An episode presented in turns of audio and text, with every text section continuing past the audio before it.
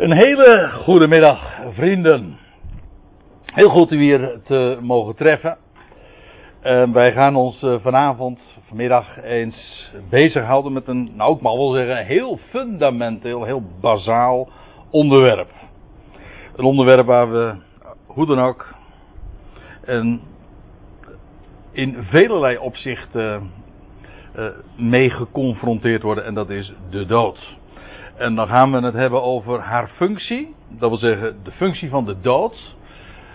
En ook haar einde. En ik heb daar zo van die icoontjes bij gedaan. Uh, die u op uw audio- of videorecorder ziet. En straks maak ik vanzelf nog wel eventjes duidelijk wat ik daar precies mee wil zeggen. Ik zei, het is een onderwerp waar we allemaal op een of andere wijze zo vaak meer dan ons natuurlijk lief is, mee geconfronteerd worden. De dood is een universeel probleem, zoals u dat ook op dat plaatje eigenlijk ziet weergegeven. Een begraafplaats, ja, dat is dan de, de plaats waar het dan allemaal eindigt. Alle mensen, en dat is zo'n universalisme, dat is zo'n uh, een universeel gegeven. Alle mensen zijn stervelingen. Dat wil zeggen, de, we lopen en hoe macaber dat dan ook mogen klinken, we lopen met de dood in onze schoenen. En we weten allemaal op het moment dat, we, dat iemand geboren wordt, dat daar ook een keer een datum zal zijn waarin het overlijden een gegeven is. En om dan nog een keertje die uh, icoontjes uh, naar voren te brengen. Ja, er is een moment dat op de playknop gedrukt wordt en dan start ons leven bij de geboorte. Dan beginnen we te adem, adem te halen. En er is een moment dat we ook weer de laatste adem uitblazen. En dan eindigt ons bestaan hier. En ik, op onze audio- en videorecorder, en ik neem aan dat dat in Urk toch niet anders zal zijn, uh, is dit dan het, uh, het plaatje waarmee dan is aangegeven, hier stopt het. Maar daar valt veel meer over te zeggen. Want kijk, als we het hebben over de dood, haar functie, maar ook haar einde, dan hebben we het over een buitengewoon bazaal onderwerp. Een onderwerp waar we allemaal mee, van, mee te maken krijgen. Een heel tragisch onderwerp. Maar niet alleen tragisch, moet ik er trouwens bij zeggen. Hoe vaak ik juist van de week, toen, uh, toen viel het me nog weer op, toen ik een, een rouwadvertentie zag van iemand die een hele lijdensweg had uh, ondergaan. Uh, vlak voorafgaand aan het sterven. En dan wordt de dood ook beschreven als een verlossing. Hè? Het, het, het, lijden is voorbij. Trouwens, het woordje overlijden drukt dat ook uit. Je bent over het lijden heen. En dat is dan, zou je kunnen zeggen, bij alle tragiek, dan toch weer de positieve kant van de dood. Want het maakt een eind aan ons sterfelijk bestaan. Sterfelijk wil niet alleen maar zeggen dat er een einde komt aan ons bestaan, maar het hele bestaan is een proces van sterven. Zoals uh, Lub zojuist in de Bijbellezing al even aangaf, dat als er in Genesis 2 gezegd wordt tegen de mens, dan, zult je, dan zul je de dood sterven. Dan staat er letterlijk in het Hebreeuws, Lub gaf het al even aan, dan, zult, dan zul je stervende sterven. En dat is een, ja, een versterkingsvorm, maar het geeft aan dat het hele proces naar de dood toe, het doodgaan, een proces is waarbij je niet alleen maar een eindpunt is, maar het is ook een, een degeneratie, uh, je, uh, het afleggen van heerlijkheid, het steeds meer functies kwijtraken. Nou ja, je zou dat uh, hele fenomeen, dat hele proces natuurlijk in geuren en kleuren, voor zover ik dat het juiste woord in dit verband is, kunnen beschrijven. Dat doet de Bijbel trouwens bij gelegenheid ook. Dat, dat het hele proces van ouder worden, hoe je daarmee ook inderdaad aftakelt en het uiteindelijk eindigt het dan ook in de dood. En in die zin is de dood dus ook het einde van ons sterfelijke, ons vergankelijke bestaan, maar ook ons bestaan van zwakheid, van moeite en verdriet, et cetera, et cetera. En dit onderwerp uh, ja, het is heel bazaal. En je zou je de vraag kunnen stellen van, nou ja, als we hier dan zo vaak bij elkaar komen, of in ieder geval met enige regelmaat dan toch, uh, waarom gaan we niet verder? Nou, het is zo bazaal. Het is ook buitengewoon belangrijk om dit scherp te krijgen en te hebben. En te houden ook. Want er bestaan zoveel misverstanden over wat de dood is. Alleen dat al. Wat is eigenlijk de dood? Maar ook, wat is de betekenis van de dood? Waarom is de dood ingezet? En vooral, wat is het einde van de dood? Want dat is namelijk, en nou beperk ik me eventjes tot het, het christendom, de christenheid. Het hele gegeven dat de dood teniet gedaan wordt en beëindigd zal worden, is niet alleen maar uh, zwaar bediscussieerd, het wordt zelfs orthodox gewoon gelogend. En ik, nou zet ik het wat zwaar aan, maar ik zeg hier niets te veel mee. Men spreekt over de eeuwige en dan bedoelt men ermee de, uh, de eindeloze dood waarin vele schepselen, waarin vele mensenkinderen uiteindelijk eindigen. En dat is dan het einde van het verhaal. Dat is een afschuwelijke gedachte. Ik kom daar straks op terug, dus, maar ik hoop hier in ieder geval ook mee te hebben aangegeven hoe belangrijk het onderwerp is om dat uh, scherp te hebben. En om daarmee ook werkelijk het evangelie te verstaan. Nou, laten we dan dat ook maar eens uh, meteen zo aanpakken. Uh, vanaf het begin. Hè. Zojuist werd er gelezen uit Genesis 2, wat God had gezegd tegen de mens toen hij in de hof geplaatst was. En toen was daar de slang, de oude slang, zo heet hij. En die dan een gesprek aanknoopt met de, met de vrouw. Uh, laat, ik eerst, laat ik alleen eventjes dit gegeven dan voorlezen. Nadat Eva aanvankelijk uh, zich uh, terughoudend had opgesteld en eigenlijk de boot afhield, dan lees je dat de slang echter zei tot de vrouw: Je zult geen zin sterven. God had gezegd: Ten dagen dat je daarvan eet, zul je stervende sterven. En nou zegt de slang: Nee, dat is niet zo. Hij gaat hier, eerst betwijfelt hij het, uh, het, het, woord van God. Hè. God heeft zeker wel gezegd, puntje, puntje, puntje, vraagteken. En hier begint het echte slangengif. Hier ontkent hij zelfs.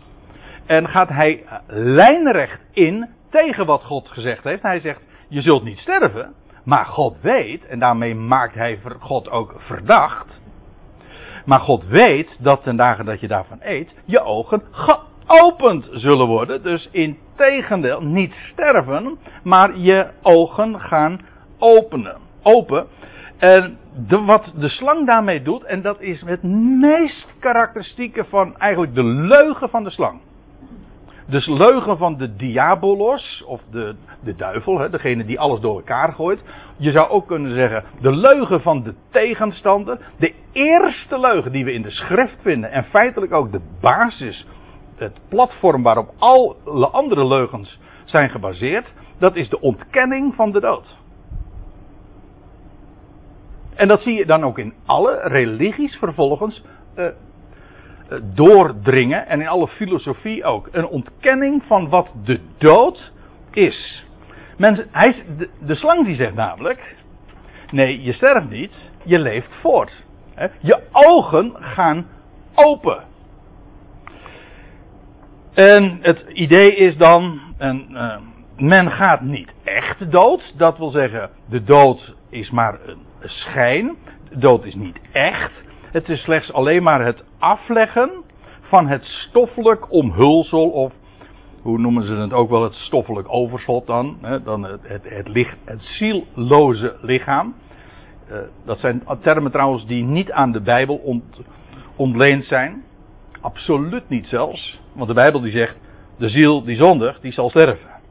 De Bijbel kent niet eens zoiets als een onsterfelijke ziel. Ja, dat, uh, dat is gewoon vreemd. De Bijbel spreekt zelfs over dode zielen. De meeste vertalingen komt dat niet uit de verf, maar het staat er echt.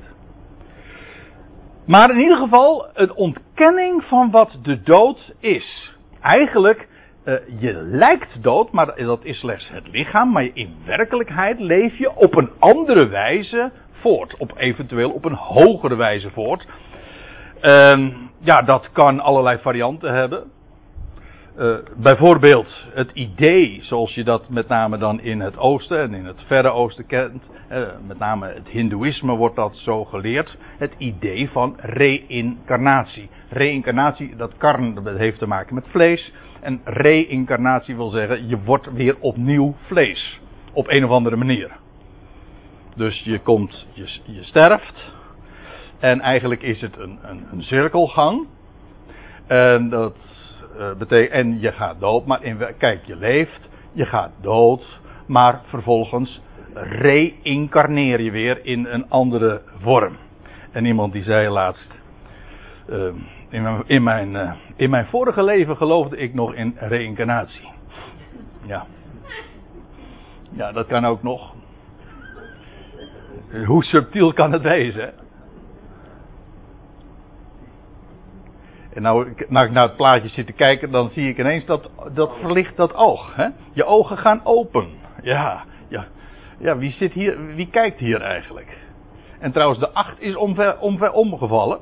En dat is ook veelzeggend, want de acht is juist een embleem van nieuw leven. En dat kent men dus ook niet.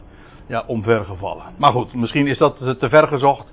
In elk geval, het idee van reïncarnatie is: je gaat niet dood. Je leeft op een andere wijze voort.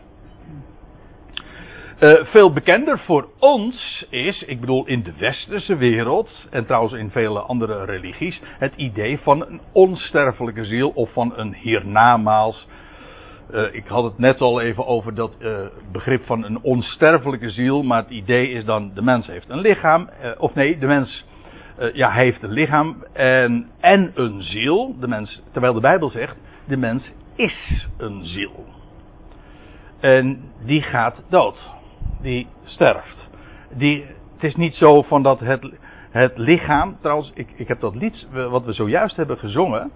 Uh, nee, er was een andere een couplet wat je nog had opgegeven. Daar, daar ging het ook over. En ik heb, in overleg hebben we het maar even geschrapt. Het idee dat bij het sterven uh, de ziel opklimt uit het lichaam en naar God uh, toe gaat. Dat wil zeggen, je gaat door sterven uh, naar, naar God toe. En dat is een volstrekt onbijbels idee, kom daar straks natuurlijk op terug. Maar uh, dat is het idee dus van het hiernamaals. Een mens sterft, maar hij sterft niet echt. Hij blaast de laatste adem weliswaar lichamelijk uit, maar hij leeft voort in de hemel of hel. Uh, nou ja, ik heb het expres maar met dus aanhalingstekens gezet. Of een tussentoestand, allemaal begrippen die de Bijbel niet kent. Ja, de hemel kent de Bijbel wel, maar niet dat je door sterven naar de hemel zou gaan. En over een hel zullen we het helemaal maar niet hebben vanmiddag. Of een tussentoestand, een soort van wachtkamer. Uh, al die ideeën gaan ervan uit dat de mens niet echt doodgaat, maar op een andere wijze voortleeft. Nou, dat zeggen religies, dat zeggen filosofieën van mensen. Maar God zegt. Nou, laat ik, laat ik u gewoon een paar schriftplaatsen noemen. Waarin heel duidelijk wordt aangegeven wat de dood werkelijk is. Dan staat er in Psalm 6 dit. Want in de dood is aan u geen gedachtenis. Wie zou u loven? Staat er dan als een retorische vraag. Wie zou u loven in het dodenrijk? Dat wil zeggen, in het dodenrijk wordt God niet geloofd. Daar wordt zelfs niet aan hem gedacht. Of uh, in Prediker 9, de levenden we weten tenminste dat zij ster sterven moeten. Maar de doden, ja, zij weten niets.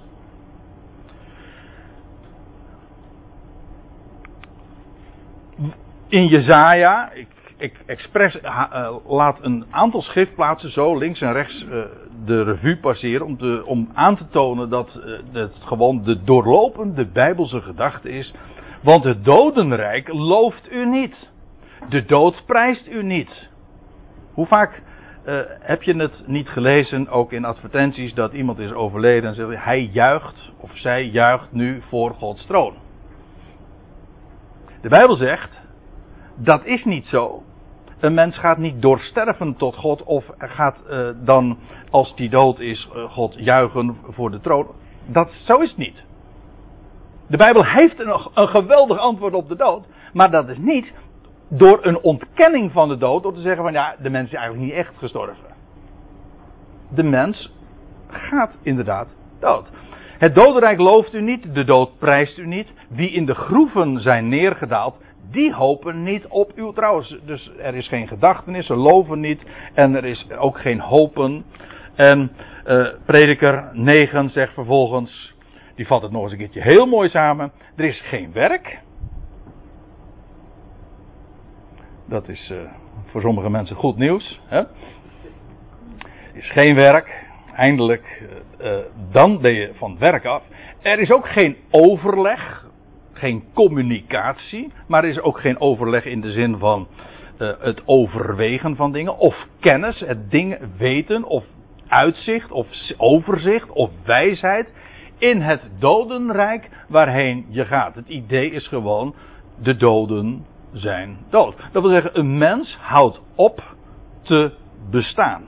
Dat lijkt uh, haast op atheïsme of uh, eh, het idee van dat de dood een, een punt is. En dat is ook zo, met dat verschil, de dood is geen punt, maar een punt, komma. Ja. Maar in ieder geval, laat dat duidelijk zijn. In de Bijbel is de vraag nooit: waar gaat een mens heen als hij sterft? De vraag is: als een mens sterft, en nou citeer ik Job 14, vers 14. Als een mens sterft, zou hij herleven? Dat is de vraag. De dood is namelijk niet alleen maar het einde van het leven, van dit sterfelijke leven, maar het is ook het tegenovergestelde van leven. Iemand die, ja, nou ga ik een haast een open deur intrappen. Iemand die dood is, leeft niet meer.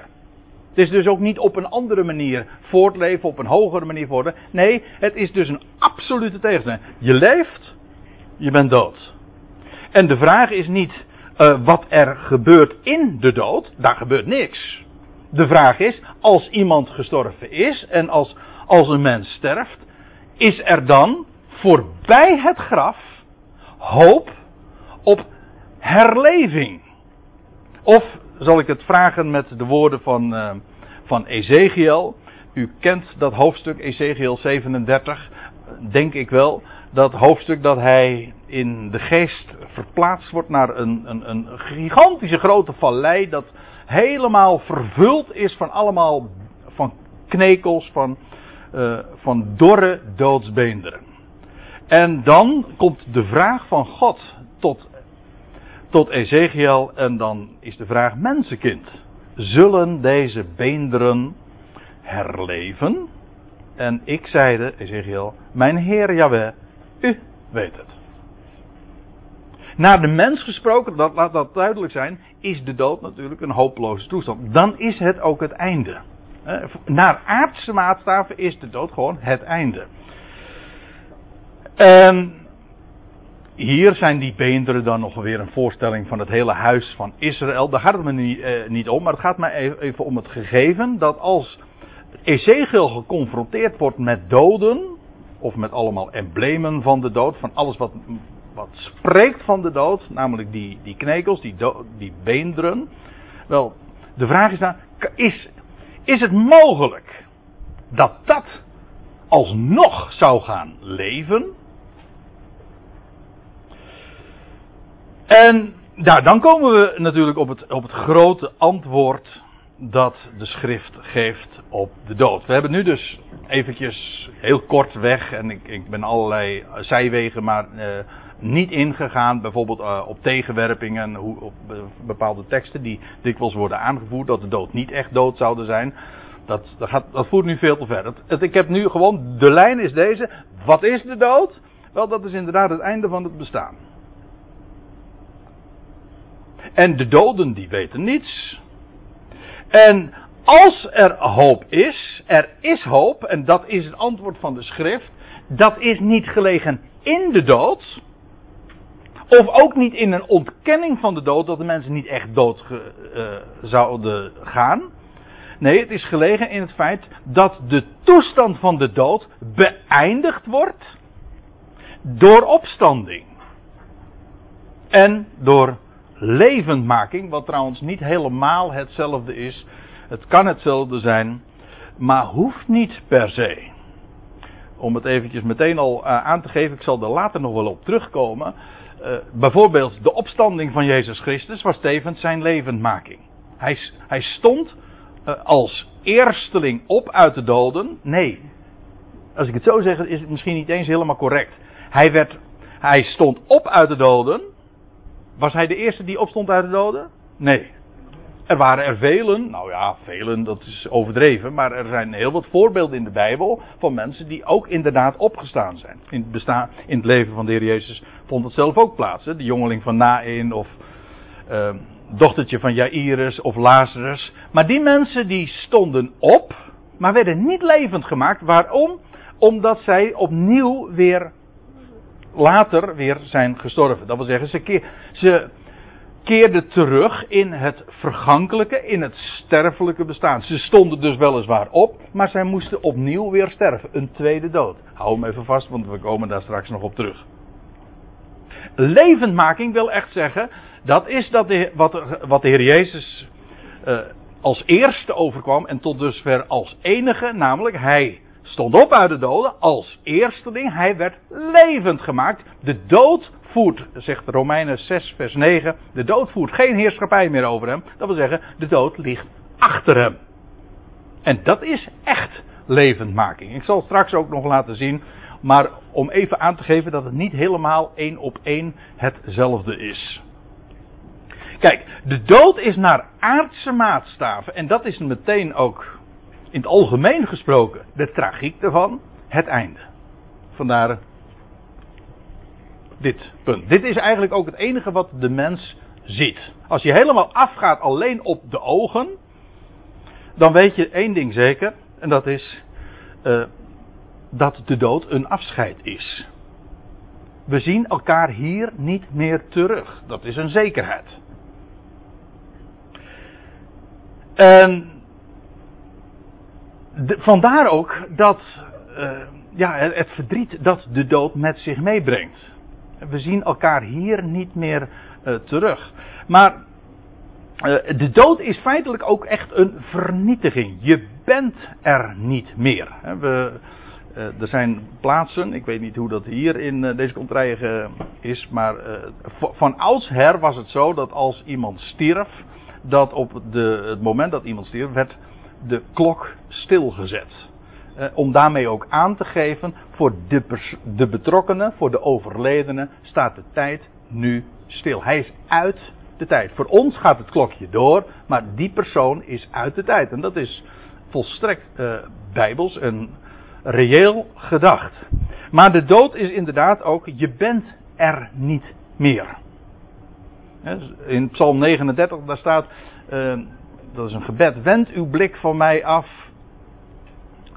Uh, staat het echt zo? Of wend uw blik niet van mij af? Nou, zou ik even moeten nakijken of ik het niet uh, verkeerd nu citeer. Maar het gaat mij trouwens niet om dit eerste. Het gaat mij vooral uh, opdat ik mij wederom verblijde. Wie, iemand wil het misschien wel even nakijken. Eer dat ik heen ga en niet meer ben. Eer dat ik heen ga, dat wil zeggen eer dat ik sterf en niet meer ben. Ik ben er dan niet meer. Ja, het is het einde van het bestaan. Ja, en dan, ja, als het einde van het bestaan is, dan ben je er dus niet meer. Staat correct? Ja, staat er ook. Oké, okay, oké. Okay. Nou, dan uh, blijf ik eventjes van de precieze context dan af. Maar in ieder geval, het idee is dat voordat ik heen ga, voordat ik sterf, ja. En, en, wat betekent dat? Nou, dan ben ik er niet meer.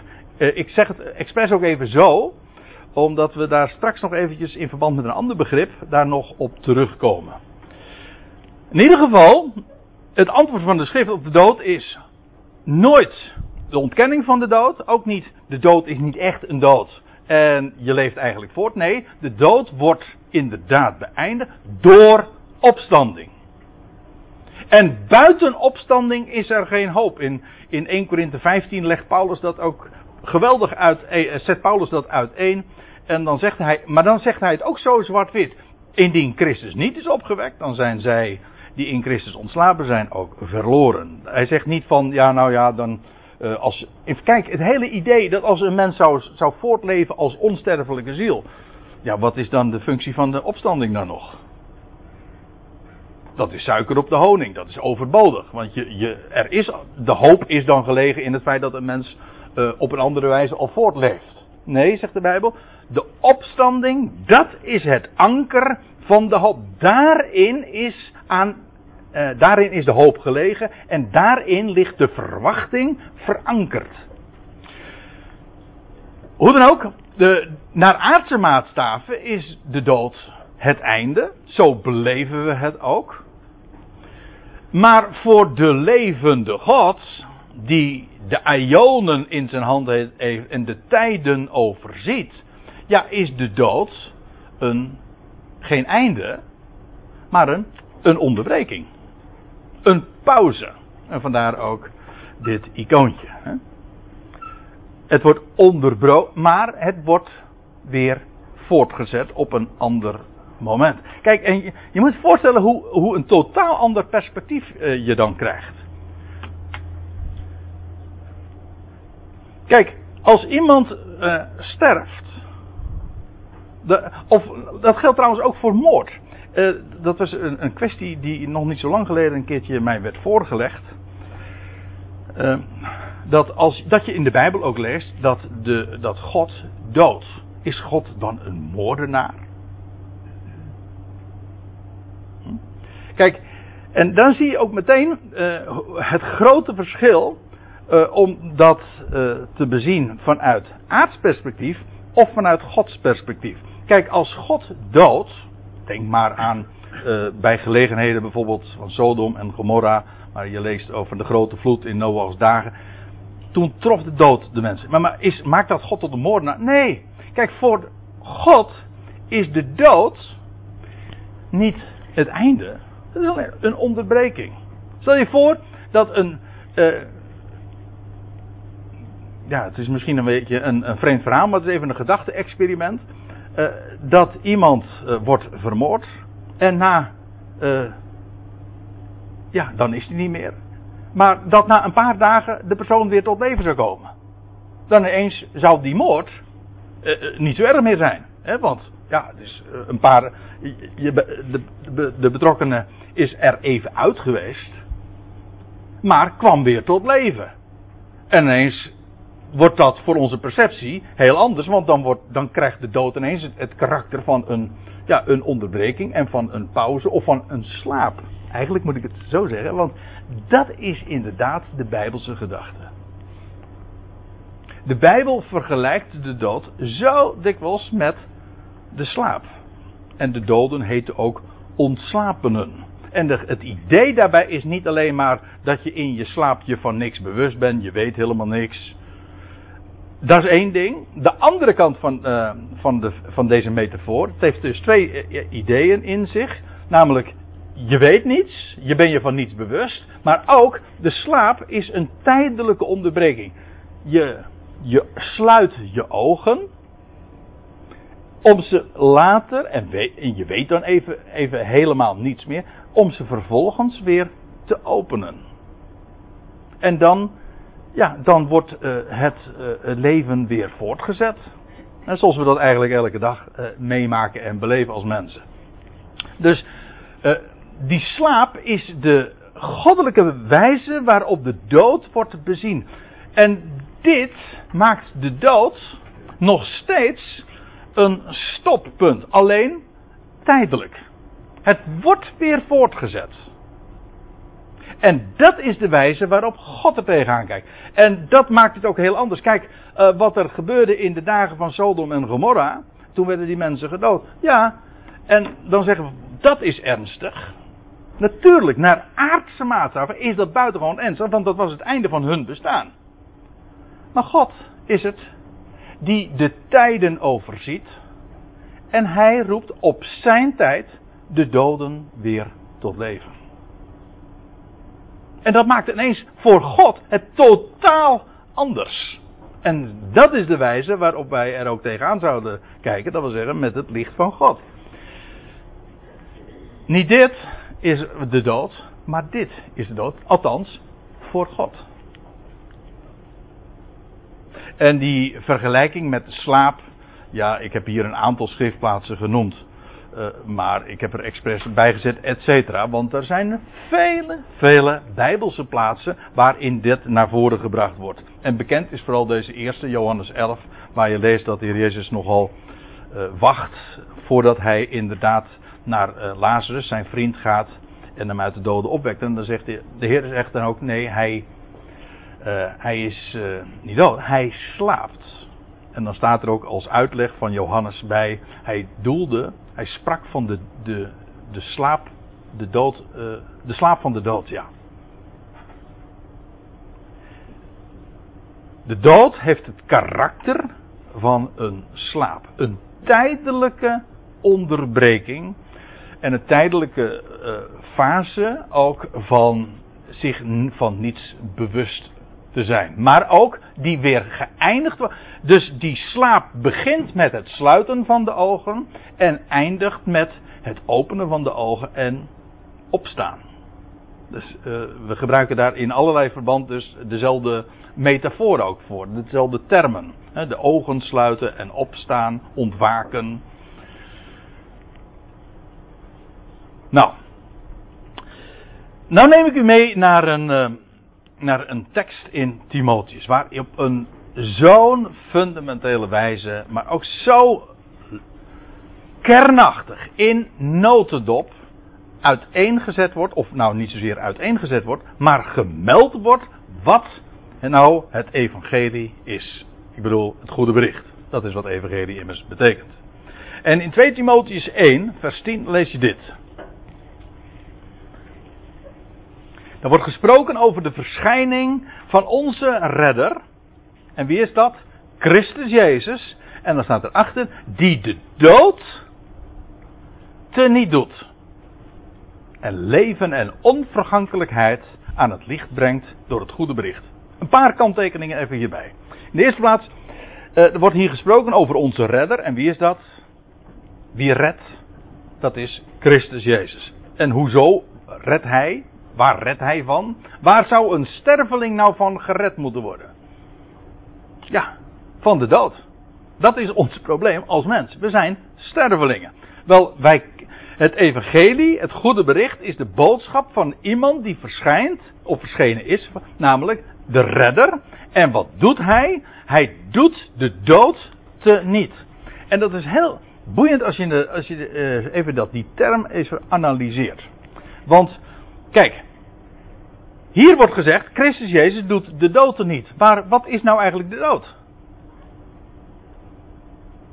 De dood is juist beëindigt ons bestaan. Oftewel, de dood doet ons bestaan teniet. Toch? De dood doet ons bestaan teniet. Beëindigt ons bestaan. Dat is ook wat dood eigenlijk is. U kent misschien wel de term annihilatie. Daar zit het woordje nihil in. En nihil betekent niks. Ja, het betekent wel wat. Het betekent namelijk niks. ja. Dat is nihil. Annihilatie, dat is eigenlijk dus eh, het zelfstandig naamwoord. Het werkwoord is annihileren. We kennen dat trouwens in een andere, iets simpelere vorm, wat alledaagser. Dan spreken we niet over annihileren, maar over annuleren. Dat is eigenlijk precies hetzelfde, want annihileren wil zeggen je maakt iets nietig of je maakt iets tot niet. Of je vernietigt iets. Maar annuleren is exact hetzelfde. Dan verklaar je ook iets nietig of ongeldig, en dan zeg je het op. En dan is, daar zit trouwens het woordje nul in. nu, ons woord nul, dat is natuurlijk ook niks. Dus nihil en nul, het is allemaal hetzelfde. En dat is wat de dood doet. De dood doet niet, zodat je niet meer, zoals ik net las uit de psalmen, de, de dood zorgt ervoor dat je er niet meer bent. En dat is ook de functie van de dood. De, de, de dood wordt ingezet om een einde te maken aan het bestaan. Ook een einde te maken aan dit sterfelijke bestaan. Dus daar zit een positieve kant aan, een negatieve kant aan. Maar in ieder geval het beëindigt. Het annuleert. Het annuleert ons leven, ons bestaan. Nou, dat eventjes over de dood. De dood is dus eigenlijk annihilatie. Maar wat is nou het evangelie? Dat is de boodschap dat Christus Jezus, die doet de dood teniet. Oftewel, hij annihileert de annihilatie. Dat is een, een ingewikkelde. Maar de dood is een annihilatie. Dat wil zeggen, dan word je tot niet gemaakt. Nou, wat doet Christus Jezus? En dat is nu juist de essentie van het evangelie. Hij annihileert, hij doet teniet dat wat teniet doet. Namelijk de dood. En dan, je zou daar zelfs een, eh, wiskundige som op, of formule op kunnen loslaten. Twee, maal twee keer negatief is positief. Hè. Toch? En als ik zeg. Uh, ja, een, een, de, ik, ik, zoek even een voorbeeld van een dubbele ontkenning. Waarbij je zegt. Uh, nou, help me eens, Petra. Had hier even.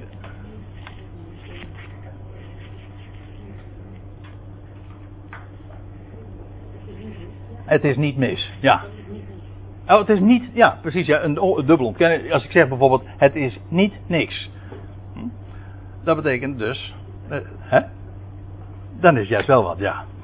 Dus uh, je ontkent de ontkenning. En dat betekent dus, dan wordt het alsnog positief. Dus twee keer negatief is positief. Dat is het idee. Hij annihileert de annihilatie. Oftewel, hij doet de dood teniet. En dan staat er nog bij, daar moet ik er trouwens ook nog even iets bij zeggen, want er staat teniet doet. En ik moet er even op merken dat dit, als u een MBG of statenvertaling hebt, dan staat dit als voltooid tegenwoordige tijd. Dan staat er die de dood van zijn kracht beroofd heeft.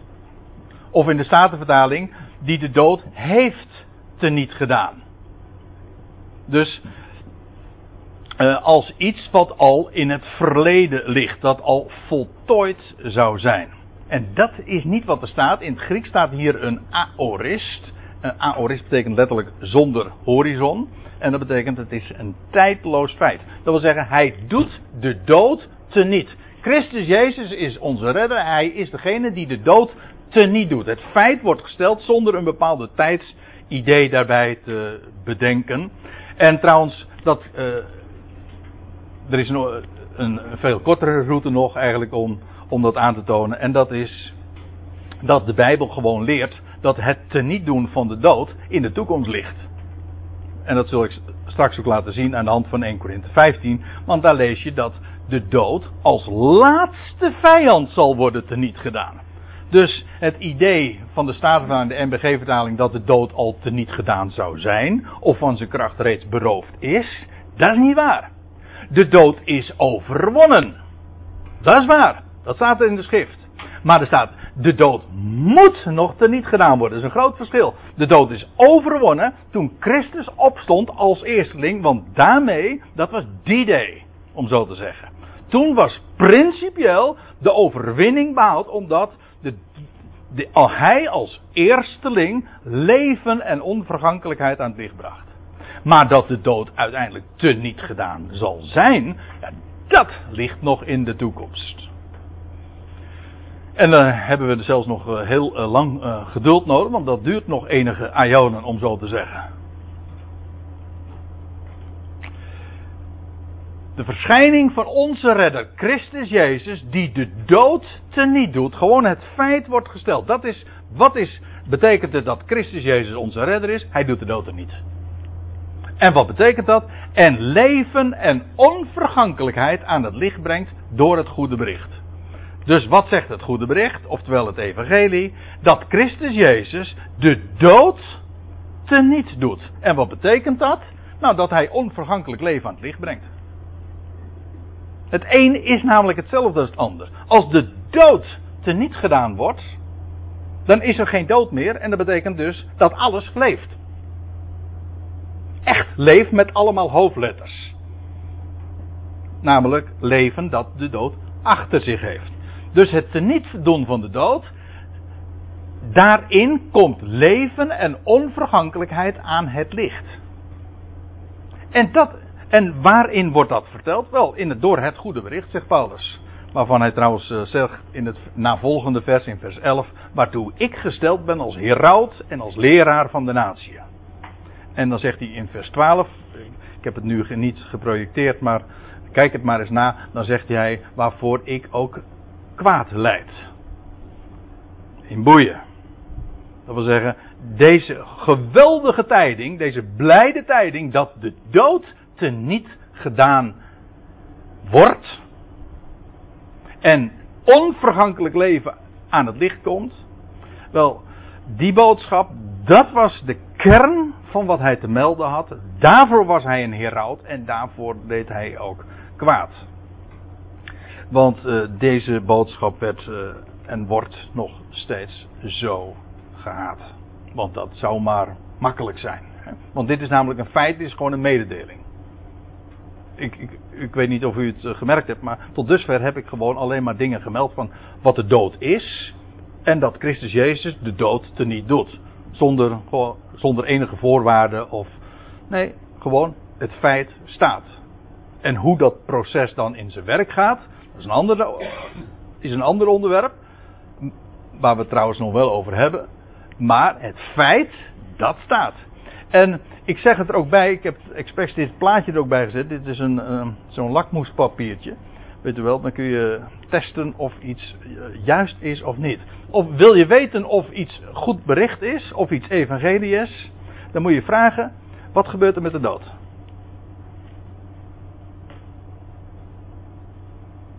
Als de dood teniet gedaan wordt door onze redder Christus Jezus, dan zegt ja, dat is evangelie. Dat wil zeggen dat er geen dood meer zal zijn. En dat er in plaats van de dood er onvergankelijk leven aan het licht treedt. Dat is evangelie. Dat doet het goede bericht. Hoor je dat niet? Dat is geen goed bericht. Dat is geen evangelie. Het evangelie is de boodschap niet alleen dat de dood overwonnen is, maar ook dat de dood teniet gedaan wordt. En als je zegt van dat is scherp, of is dat scherp? Ja, dat is verrekte scherp. Maar het is de Bijbelse boodschap.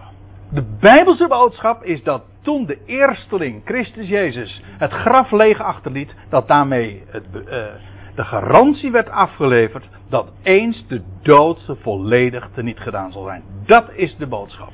Uh, die we aan elk mensenkind, let op, aan elk sterveling hebben te vertellen. Christus Jezus is jouw redder. Jij bent een sterveling.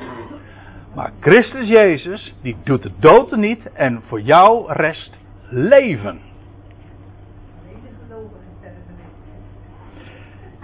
Alle stervelingen. Ja, dat is het geweldige. Dan wil ik trouwens nog even een andere. Uh, nee, het is geen zijpaadje, maar dat moeten we er even nog uh, over hebben. Dat is de tweede dood.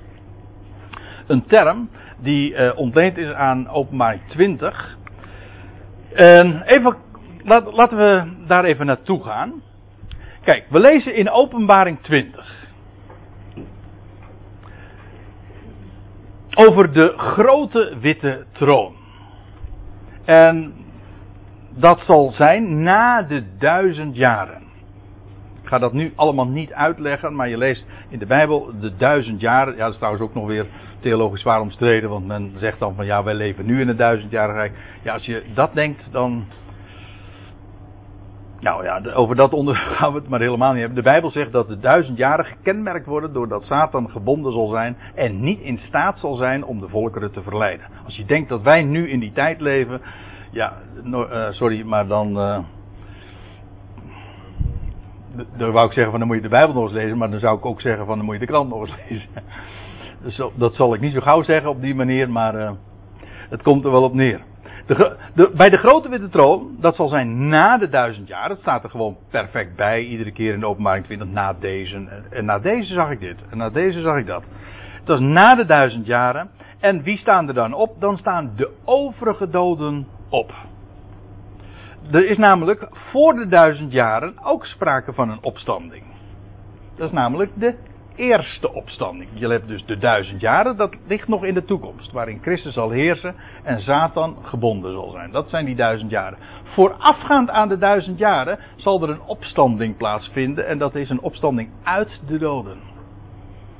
Ik moet erbij zeggen, dat gaat dan ook nog weer in verschillende tijdstippen. Maar we gaan het niet ingewikkeld maken. Het, is, maar het heet de eerste opstanding. Het is namelijk een opstanding niet van alle doden, maar een opstanding uit de doden van tussen de doden uit. Dat wil zeggen, uh, stel je voor je hebt een begraafplaats en uh, als er een aantal graven open gaan en daar doden uit opstaan, dan is dat een opstanding uit de doden. Dat wil zeggen, de overige doden blijven liggen.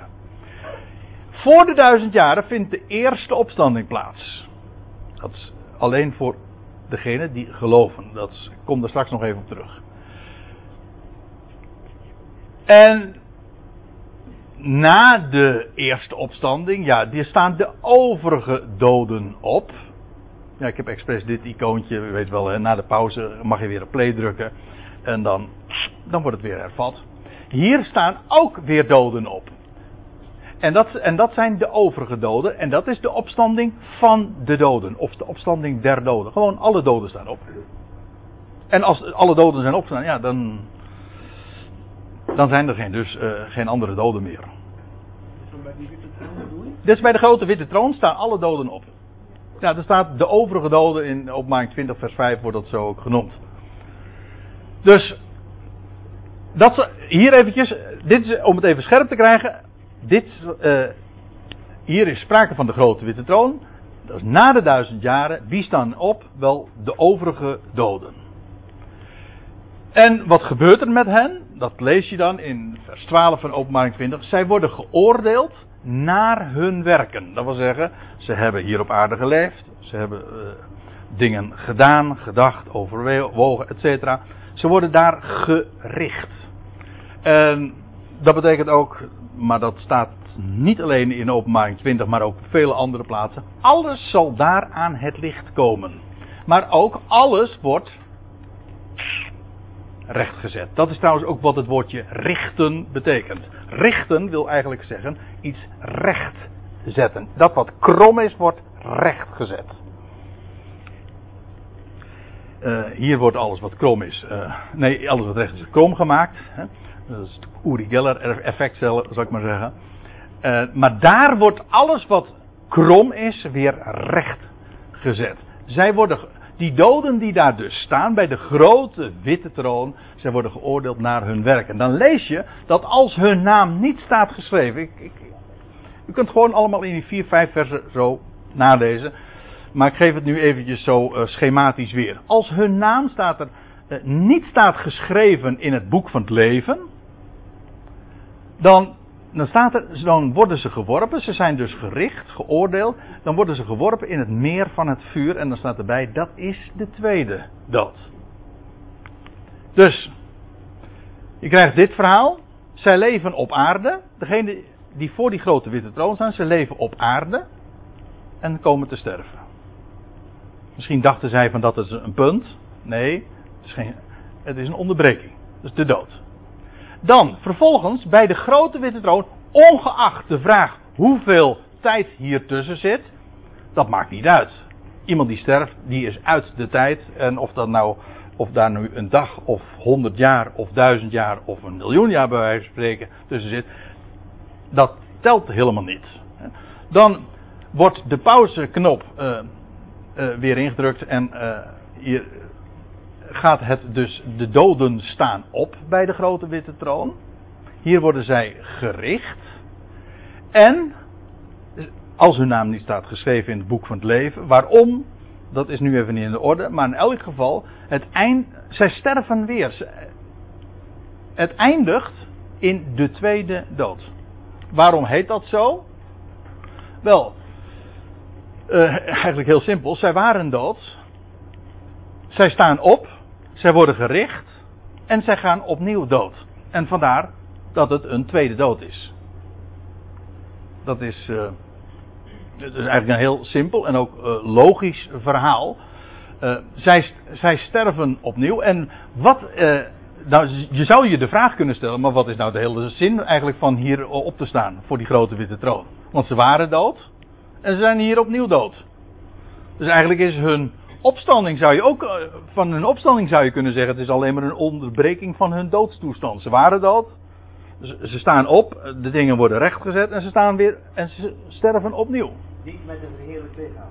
Nee, nee, nee, nee, nee, nee, nee. Ik kom er straks nog even op terug. Ja. Ja, men, zal, kijk, degenen die hier sterven, de tweede dood, die zullen die aion, die dat tijdperk dat zal volgen van Christus heerschappij, die zullen dat niet meemaken. Dan zijn ze namelijk dood. Maar ik moet erbij zeggen, weliswaar zullen ze die navolgende aion van Christus heerschappij niet meemaken, maar inmiddels is wel alles rechtgezet. Dat is belangrijk. Ze zijn geoordeeld, het gericht heeft plaatsgevonden, alles is rechtgezet, alleen ze zijn opgestaan opnieuw in een vergankelijk lichaam. Degenen die voor die grote witte troon staan, die staan niet in een onvergankelijk lichaam. Uiteraard niet, want anders zouden ze geen tweede dood sterven. Ze staan op, eigenlijk net als een Lazarus, een dochtertje van Jairus. Ze staan op in een sterfelijk lichaam. En in zekere zin zou je dus kunnen zeggen, ze worden verlost van hun sterfelijk lichaam in de tweede dood. Ik weet, ik zet hier zo'n pauze-embleem. De meeste mensen zeggen hier, de tweede dood, dat is definitief. Dat, is de, dat noemt men in de theologie dan de eeuwige dood. Als, als je hierin terechtkomt, en dan, uh, dan zegt men van ja, dat is de hel. Nou, sowieso geen. Uh, ook dat is weer een doodstoestand. Men weet dan van niets. Ze sterven voor de tweede keer. Opnieuw zijn zij dood. Maar het hele idee van een eindeloze, definitieve dood. Dat is zo anti-evangelie.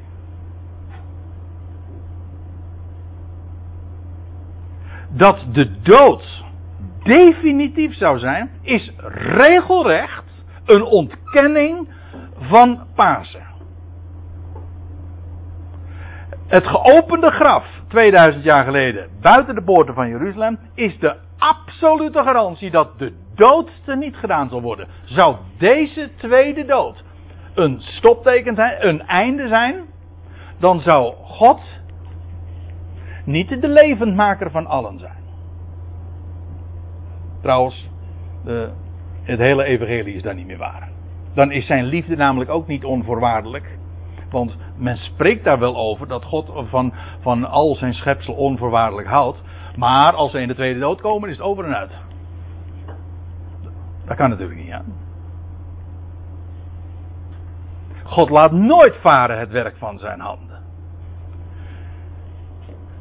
De tweede dood is net als de eerste dood gewoon een onderbreking. Ik zeg gewoon. Het is niet. Het is wel gewoon dood. Het is niet doodgewoon. Om zo te zeggen. Het is wel dood. Alleen het is een herhaling van de dood. Inmiddels is alles rechtgezet. Alleen men zal deze tijd dat men dood is. Dus niet meemaken. Dat lijkt me nogal logisch. Nou. En nu gaan we tenslotte naar 1 Korinthe 15 toe. Dat wordt hoog tijd. Want dit is het hoofdstuk bij uitstek. Dat kan natuurlijk niet missen. Waarin, uh, ja, met recht, definitief ook verteld wordt wat, er, wat de dood is, één ding, maar vooral ook uh, wat de rijkwijde van de dood is, maar vooral hoe de opstanding van Jezus Christus de dood inderdaad eens voor altijd niet zal doen. En ik lees vanaf vers 22.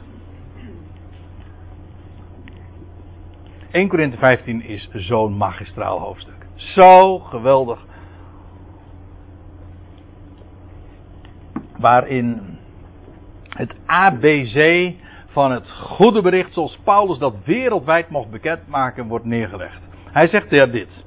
Want evenals, ik, ik kan natuurlijk niet, dat is eventjes de, de disclaimer, ik kan natuurlijk niet op al die dingen nu uh, diep ingaan. Het gaat mij vooral eventjes om uh, de highlights van wat dood is en hoe het beëindigd wordt uh, in, het, in het licht te stellen. Dit. Evenals in Adam allen sterven, nou dat lijkt me een duidelijk gegeven. Daar zijn namelijk geen uitzonderingen op. Evenals in Adam allen stervende zijn, eigenlijk staat het op die manier. Zo, op dezelfde wijze, zullen ook in Christus allen levend gemaakt worden. Zo duidelijk als dit allen betreft, zo duidelijk is het ook in Christus, die dan ook in 1 Korinthe 15, vers 45 de laatste Adam genoemd wordt. Uh, alle mensen betreffen. Let op, niet, maak daar niet van wat evangelische christenen uh, dan dikwijls doen, of meestal doen, of altijd doen. Uh, die zeggen, ja, het gaat hier over allen in Christus, alleen maar de gelovigen. Nee, het gaat niet over allen in Christus, het gaat over in Christus allen. Dan zeg je, wat maakt dat voor verschil? Ja, dat is een wereld van verschil. In Adam allen. Deze allen zijn dezelfde allen als hier. In Adam allen, zo zullen in Christus dezelfde allen worden levend gemaakt. Wie worden levend gemaakt? Wel de allen die in Adam stervende zijn. Ja, ik, ik ga het niet nog uitgebreider vertellen, want als ik het nog uitgebreider ga uitleggen, dan ben ik bang dat ik het er alleen maar moeilijker door maak. Ja, dat is juist ook de truc. Men maakt dingen ingewikkeld die simpel zijn. Deze waarheid. De schoonvader heeft hem op de, de, de steen staan. Hè? 1 Korinthe 15, vers 22. Zo'n geweldige. Zo simpel. Een kind kan het begrijpen. Alle mensen zijn stervelingen. Ja, en nou, en nou is de, de blijde tijding. Al die mensen die stervelingen zijn, die zullen in Christus worden levend gemaakt. Maar niet allemaal tegelijk. Dat is eigenlijk ook logisch, want we sterven ook niet allemaal tegelijk. En we leven ook niet allemaal tegelijk. Ieder echter in zijn eigen afdeling, in zijn eigen rangorde. Als eersteling Christus, Let op, Christus wordt hier de eersteling genoemd. Het gaat hier namelijk niet zomaar over opstanding, het gaat hier over levendmaking. En daarin is Christus de eersteling. En hij stierf namelijk, of hij uh, werd levend gemaakt in onvergankelijkheid, in heerlijkheid en in kracht. Zoals Lut dat zojuist ook voorlas. Dus Christus, hij is de eersteling. Vervolgens, het gaat hier over de dat het niet uh, direct daarna is, maar het gaat hier over verschillende uh, momenten of verschillende fasen waarin de levendmaking zal plaatsvinden. Dat vindt plaats in rangorde, in afdelingen. De eerste afdeling, dat ligt in het verleden, toen Christus werd opgewekt uit de doden. Vervolgens, dat wil zeggen, dat is de volgende fase in de levendmaking. Degene van de Christus in de parousia van hem, in zijn komst, in zijn aanwezigheid. Dus Christus de eersteling. En dan in zijn parousia, toekomstig, als hij zal verschijnen. In, letterlijk betekent dat in zijn aanwezigheid. Het is niet zozeer een punt. Dat is niet één moment. Het is een fase ook weer. Die van Christus zijn.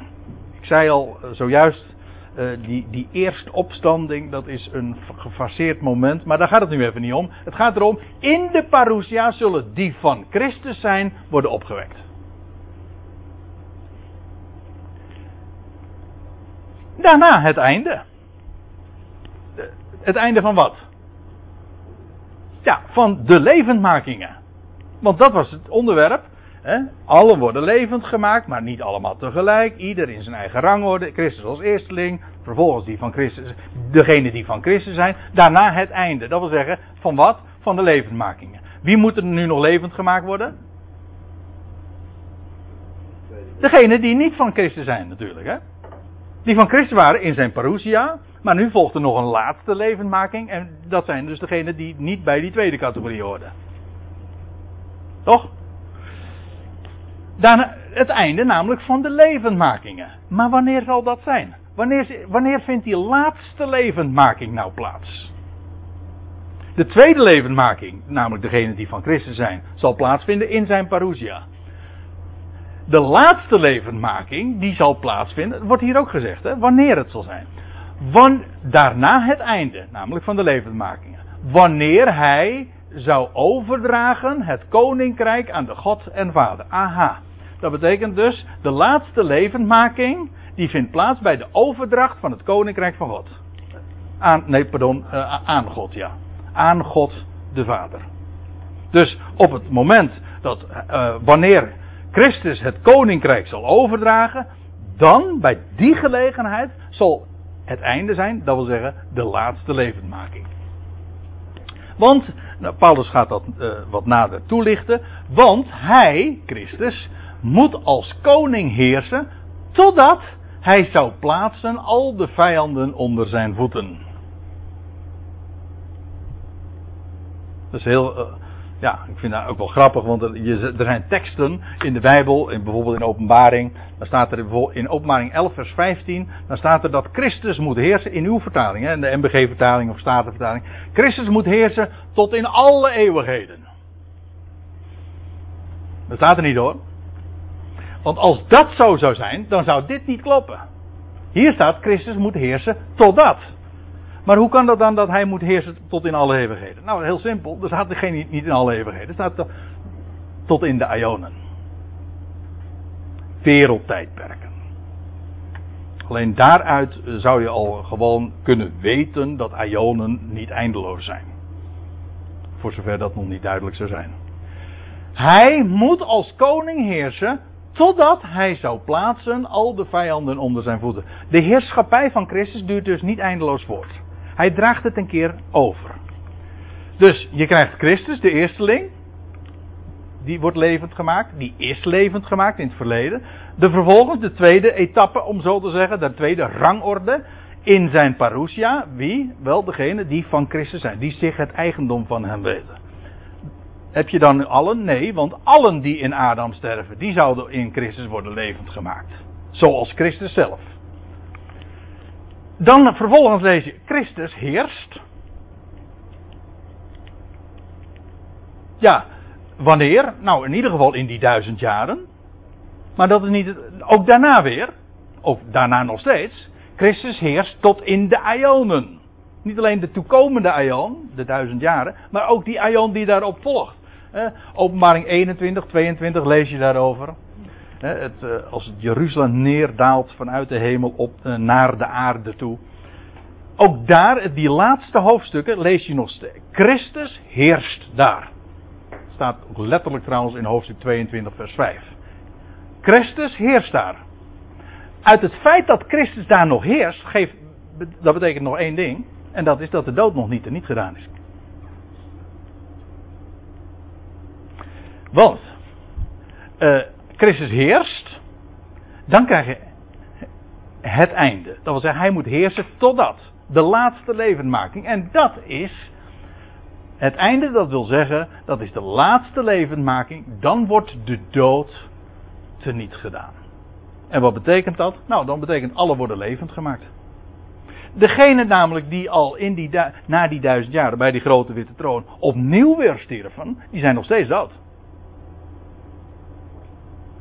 Ja, in de tweede dood. Maar ze zijn dood. En ook zij zullen worden levend gemaakt. Niet slechts opstaan, dat waren ze al. Nee, ze zullen worden levend gemaakt. Ze zullen leven zoals Christus, de eersteling. En dan, als allen zijn levend gemaakt, ja, dan is inderdaad de dood er niet gedaan. Want dan is er, als allen leven, met allemaal hoofdletters, dan is er geen dood meer. En zegt Paulus dan, want hij onderschikt alles onder zijn voeten. Wanneer hij echter zou zeggen dat alles is ondergeschikt, dan is duidelijk dat het buiten degene om is die hem alles onderschikt. Dat wil zeggen, God zelf is daarvan uitgezonderd. Wanneer echter het al aan hem onderschikt wordt, dan zou ook de zoon zelf onderschikt worden aan degene die hem het al onderschikt. Dat klinkt wat ingewikkeld, maar het betekent gewoon, God heeft hem die taak gegeven om alles te onderschikken.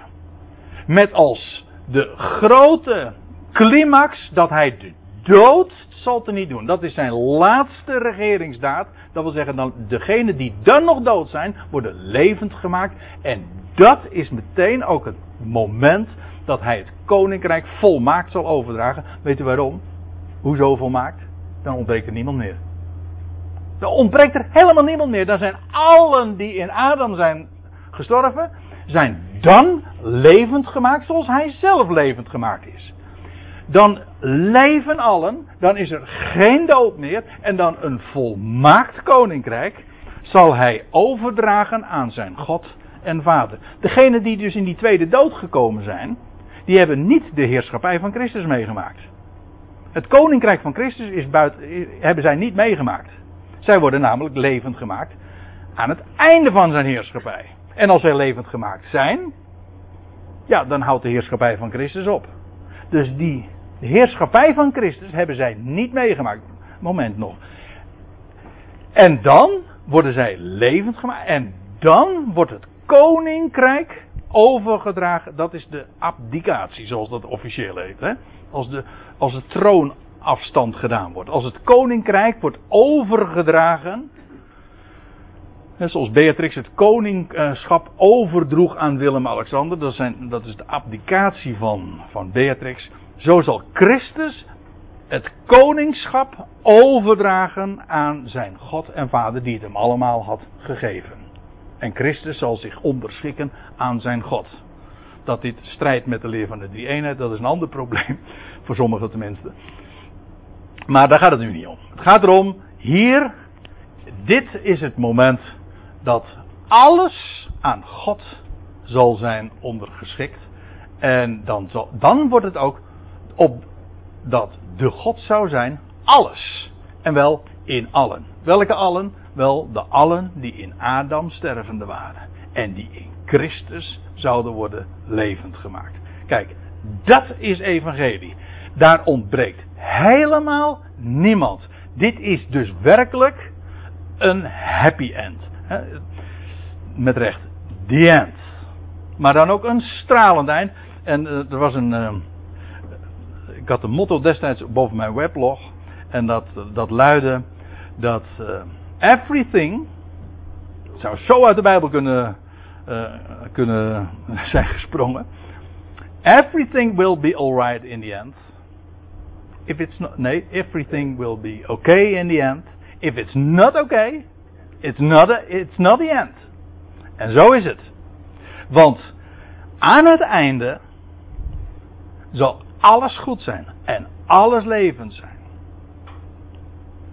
En dat is het geweldige evangelie. Dat is het, het werkelijke goede bericht voor elk mensenkind.